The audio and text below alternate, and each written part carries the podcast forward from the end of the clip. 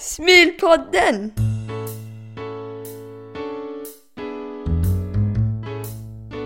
Det här är Smulpodden med Petra Sokolowski.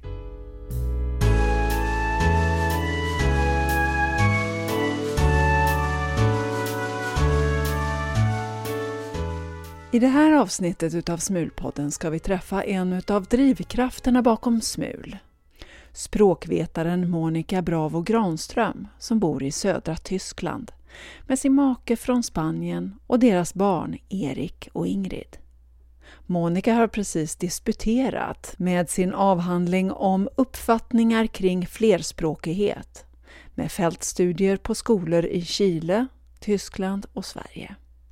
Så nu har vi en doktor Bravo Granström på Smul.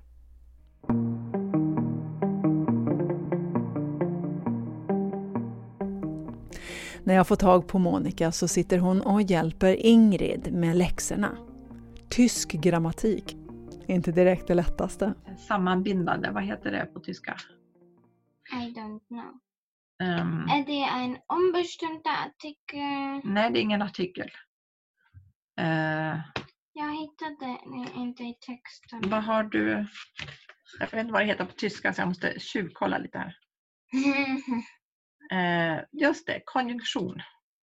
Konjuk... Konjunktion, har, har ni haft det? Aha, konjunktiv. Ja, nej. Ingrid är tio och flerspråkig, precis som sin mamma. Men Monica växte inte upp i ett flerspråkigt hem som Ingrid, utan i norra Sverige, i Västerbotten, med ett språk hemma. Det var Monicas egen nyfikenhet som drev henne. Ja, runt omkring oss bodde ju alltså andra barn som hade andra språk. Jag tycker det alltid var så roligt att höra. Vad, vad, vad säger de och vad, vad, vad pratar de om? Och, nej, men, vad, vad, vad är det där? Redan jag, liksom, innan jag gick i skolan började jag samla på ord i andra språk och, och jag gjorde ordlistor. jag hade en finsk ordlista och så hade jag en spansk ordlista så, så gick jag omkring med de där. Så att det var väl så jag började.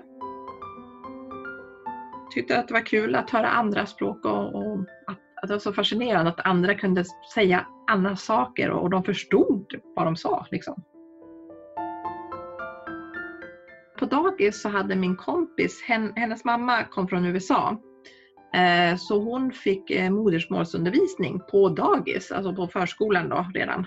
Men då ville inte hon gå själv, för det tyckte hon var tråkigt. Så då fick jag följa med. Det tyckte jag var jätteroligt. och sen eh, gick det ju jättebra i skolan eftersom att jag kunde lite grann. Så då, du vet hur det blir. Det blir som ett liksom, hjul som rullar på. Och så. Lärarna tyckte att jag var så duktig och när man är så duktig på någon då gör man det gärna mer. Och så gick ja. Så flöt det på helt enkelt.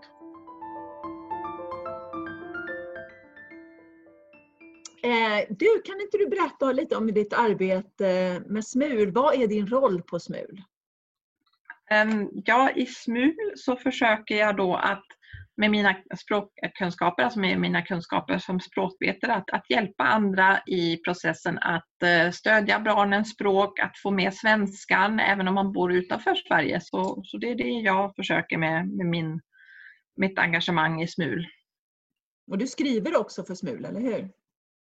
Ja, vi har ju startat ett magasin, alltså ma- magasinet Smul, ehm, som finns att läsa online, ehm, alldeles gratis faktiskt. Ehm, och där så tar vi upp olika ämnen, för flerspråkighet är ju ett ämne, men vi tar även- upp andra ämnen som, som kan vara intressanta för utlandssvenskar utomlands. Just nu håller vi på att göra om formatet. Vi vill istället för att ha en, en pdf på ISU som vi har haft tidigare så, så har vi tänkt ha ehm, artiklar med kortare intervaller på nätet. Det håller vi på med just nu. Vad spännande. Det ser vi fram emot.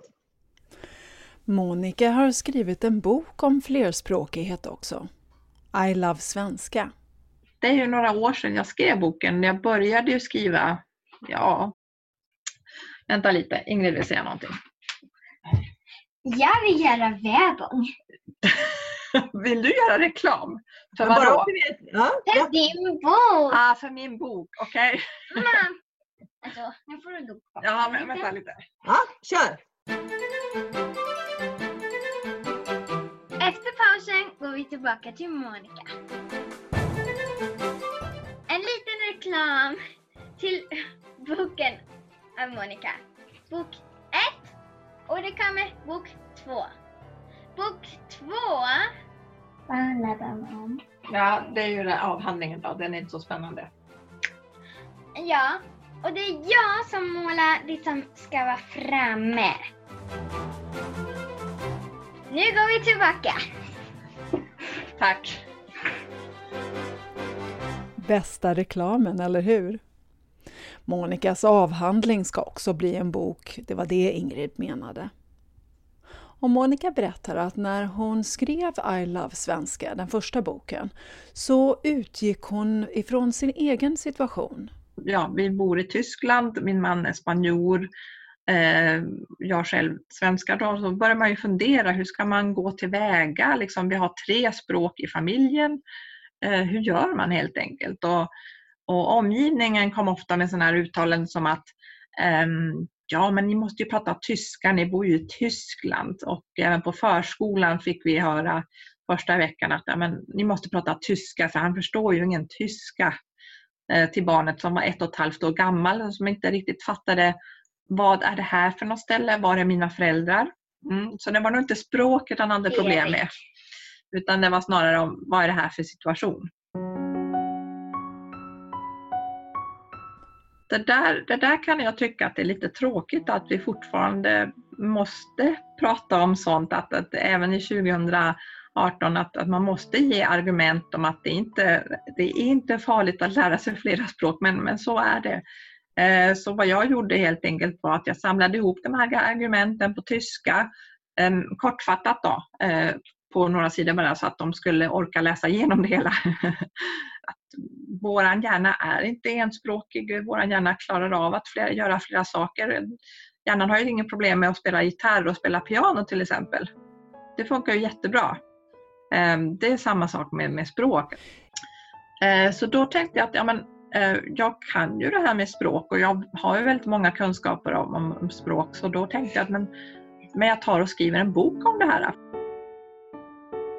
I boken I Love Svenska så går Monica igenom vad det finns för olika strategier för flerspråkighet.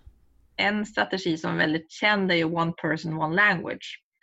Ehm, och det är många som, som hävdar att det är den enda strategin som går att använda. Ehm, men så långt skulle inte jag vilja gå utan det finns ju flera olika sätt. Som, som det beror ju absolut på liksom, hur är sammansättningen i familjen, hur många språk finns det, var bor ni och alla sådana saker. Men det här med att vara konsekvent och att, eh, att, att, en person pratar ett språk har ju en fördel att barnen får eh, i början då när de är små, då får de ju verkligen höra ett språk från en person vilket ju blir lättare för språkuppbyggnaden. Varför blir det lättare? Det är lättare om då barnet, det gör, de gör ju det omedvetet då, men då liksom vet de att ah, när mamma pratar med mig då, blir, då är det ett språk och då liksom samlas de orden på ett ställe, alltså svenskan växer ihop. En annan fördel med det är att om du kör det, att du själv kanske inte halkar in i det andra språket så lätt. Eh, för att det kan ju vara lätt att man halkar in i omgivningens språk. Man vill inte liksom vara uteslutande, att man, att man utestänger de andra personerna utan då rutschar man in och speciellt i engelsktalande länder märker jag mycket det här att man, man rutschar in väldigt lätt i, i att prata engelska även med, med barnen då. När de kanske då skulle behöva mer input från svenskan. Men eftersom att man inte vill stänga ute någon så då använder man sig av det andra språket. Men om man använder sig av den här och så har man pratat med det med familjemedlemmarna för att det kan vara jobbigt då att man, man hör ett främmande språk hela tiden men att man pratar med familjemedlemmar att, om det här att ja, men jag pratar svenska med barnen för att de ska få svenskan så att de ska kunna använda av det sen. Jag pratade ganska mycket med det här om, om vår familj fast i Spanien så i alla fall där, där, där min, min mans familj bor så det är lite ohövligt att, prata, att stänga ute folk och prata ett annat språk. Så, där. så då, vi pratade mycket om det. Uh, för det var inte så lätt i början när jag började prata svenska där och de tyckte kanske att men så många språk måste de ha det. och sådär. Men uh, efter några år så, så sa då svärfar att, eh, svärfar att ja, men tack för att du har gjort det här, att du har varit så konsekvent och att du, liksom, att du inte gav upp för att på så sätt kan jag prata med mina barnbarn. För att han, hade inte de kunnat spanska hade inte han kunnat prata med dem och det, det tyckte han skulle vara väldigt tråkigt. um, mm.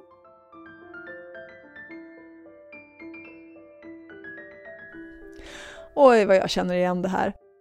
Kanske inte så mycket från min egen familj eftersom min mans familj också är flerspråkiga, utan från Svenska skolan här i Washington DC, där jag var aktiv i styrelsen i många år. De icke-svenska föräldrarna kände sig ofta så uteslutna när alla pratade svenska och de reagerade väldigt olika på det. Jag skulle gärna vilja göra ett avsnitt av Smulpodden med deras perspektiv på det här med svenskan. Vad tror ni om det?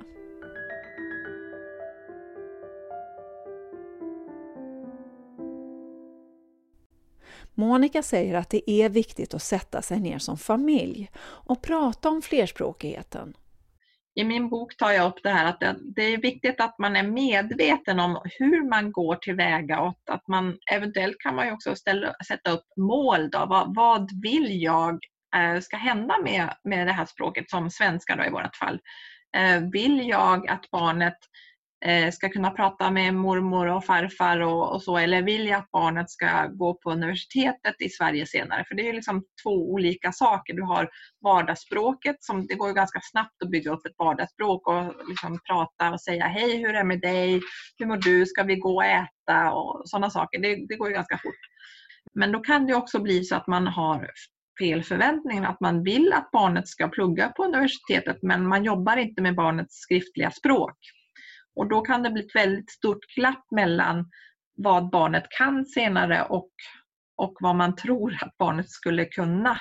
Monica säger att vi inte ska vara alltför stränga mot oss själva vad gäller svenskan. Mm. Alltså, jag tror att vi får jobba lite med oss själva där ibland. För att ibland som förälder så man, man kan ha lite dåligt samvete ibland när man är förälder. Du vet, man har inte gett barnen eh, bra mat nog och så har de kanske fått äta lite för mycket kakor eller glass eller ja. Alltså, och, och så får de sitta för mycket på skärmarna och så har jag inte lagat ekologiskt. Och, och det här med språk det blir liksom ännu en till grej som man ska oh, jag måste liksom prata svenska med barnen och jag måste få till det här och så ska de kunna perfekt svenska och perfekt, eh, ja, det ska vara så perfekt alltihopa. Um, och det är där jag tror att vi måste komma iväg, bort lite från de här dualistiska uppfattningarna om att man bara är flerspråkig om man pratar ett språk perfekt, alltså perfekt inom eh, situationstecken. Att man, för man, eh, men flerspråkighet funkar ju inte på det sättet utan flerspråkighet funkar ju att åh, där hittar jag ett ord och så kanske jag tar in det i mitt andra för att det passade in där. Till, om jag ska prata om föräldraledighet till exempel på, på, tyst, på spanska, då, jag vet inte om du kommer på något ord för eh, föräldrapenning på spanska. Alltså, jag kommer inte på det för det finns inte i Spanien. Så då när jag pratar med min man så, pratar, så säger vi då liksom, eh, pues, a ver, vamos a ver, ¿quién iba a coger el, el tensite? Då säger vi liksom, ja men vänta, vem, vem var det som skulle ta föräldraledighet här nu? Och då tar vi in det här, det här tyska ordet för att det passar så bra in där för att vi känner till det men vi känner inte till någonting på spanska för det finns inte där. Och, och det, det är ett en dynamisk uppfattning av språk, att man, att man tar hjälp av de olika resurserna som man har. Och det, det gör ju våra barn också och då istället för att, att man, man ska då få så dåligt samvete igen, och nej nu sa mitt barn någonting på det andra språket när det pratade svenska, så kan man se att men gud vad bra det här barnet kunde ta det här ordet, sätta det på rätt plats i meningen, för det, då måste de ju veta vilken funktion har ordet, Eh, ofta kan det på, till exempel på ett verb komma en verbböj, alltså det kommer ett ord på, främmande, på ett annat språk men med en svensk verbböjning till exempel. Det är ju otroligt vad de kan där.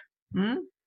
Det är det dynamiska, eh, det, det, det är de dynamiska uppfattningarna som, som vi som, som föräldrar eller, eller vuxna kring de här barnen då mm, kanske är, är bättre för oss själva, om vi säger så. Monikas doktorsavhandling handlade om lärares uppfattningar kring flerspråkighet. Så det här är någonting hon har tänkt väldigt mycket på. Kommer ni ihåg förra avsnittet av Smulpodden? Om Filip som lärde sig läsa både på bulgariska och svenska samtidigt. Med två olika alfabet, det kyrilliska och det latinska. Jag var ju rätt imponerad av det för själv orkade jag inte jobba så mycket med att lära barnen läsa på svenska. Jag la ut det på Svenska skolan istället, som de hade på lördagarna. Men skulle jag ha satsat mer på läsningen när barnen var små? Och ja, även här, det finns inget färdigt recept som funkar på alla här utan det, det får man kolla till, till de olika barnen, alltså hur funkar det här? Men, men rent, alltså sett från teorin så finns det ingen forskning som visar på att det är skadligt att börja med flera språk på en gång. Däremot kan man ju märka att, att för ett barn passar det kanske inte, utan då kan man fokusera mer på ett språk i taget. Hos mina barn, alltså själv har det funkat, med ett barn funkade det jättebra att jag betog alla språk på en gång utan problem. Ehm, Eh, det funkade jättebra hur som helst. Eh, Medan med det andra barnet så funkade det inte alls lika bra utan då tog vi en, en period där vi, där vi körde bara tyska. Eh, för att det funkade inte med flera språk. Så där måste man verkligen se hur, hur funkar det här för, för de här barnen. Men, och sen måste man titta, hur mycket tid har jag? Jag menar, man kanske inte har den tiden med, med barnet. Och du, som du säger, du hade ju möjlighet att ta med Svenska skolan i det här. Det är jättebra alternativ Eh, ibland kan det vara så att barnen inte vill sitta och lära sig på det sättet med föräldern. Och att man då, om man då har en svensk skola i närheten så är det ju jättebra för och det är också så att, att ju mer input barnen får då, från olika sidor, det är också jättebra. Och det var ju också därför vi, vi startade Smulakademin då, för att vi ser att många har det här att, att de vill att barnen ska lära sig läsa och skriva på svenska. Men det finns ingen svensk skola i närheten eller tillräckligt många svenska barn i närheten för att starta en svensk skola. Men då finns det ju idag de här nätbaserade möjligheterna som gjorde att vi startade Smulakademin för att, att just så många barn som möjligt ska få den här möjligheten att lära sig att läsa och skriva på svenska. Men hur gjorde Monica med sina egna barn då? Jag och mamma brukar köra lite svenska skola ibland. Mm. Här hemma alltså? Ja. Alltså vi gör inte så ofta, men Nej. lite. På sistone med avhandlingarna har det blivit väldigt lite svensk skola, men vi var, förra året var vi, var vi lite oftare på gång med det. Oskar åt tio kulor glass. Vi har en, hon har ju en klasskompis eh, i svenska skolan som heter Oskar. Och han, vi var, som avslutning var vi åt glass då förra året och då åt Oskar tio, tio kulor glass.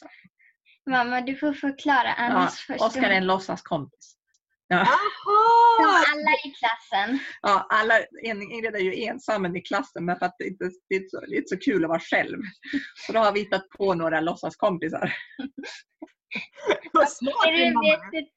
och Erik tror fortfarande att det finns Oskar. Ja, Brorsan alltså är Erik, ja. Vi brukar, ja men Oskar finns verkligen. Ja. vi brukar lite ja. göra så. Ja, om man inte har någon svensk skola i närheten så får man ha egen skola. Och låtsas klasskamrater.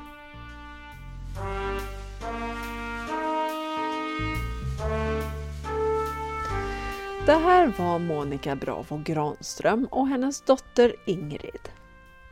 Jag ville presentera Monica eftersom hon är en av drivkrafterna bakom SMUL och en av experterna som gör SMUL till en sån resurs för oss som lär våra barn svenska utomlands. I nästa avsnitt ska vi träffa hon som startade SMUL, Lena Normén Janger, och hon ska berätta om SMUL-akademin en plattform för onlineutbildningar i svenska. För det är ju inte alla som kan uppfinna en Oscar och ha egen skola. Jag får tacka för mig så länge och hoppas att ni inte har stört er för mycket på min täppta näsa. På något sätt så lyckas jag alltid bli förkyld till nyår. Men jag vill önska alla er en riktigt god fortsättning på 2019. Det här var Petra Sokolowski med Smulpodden.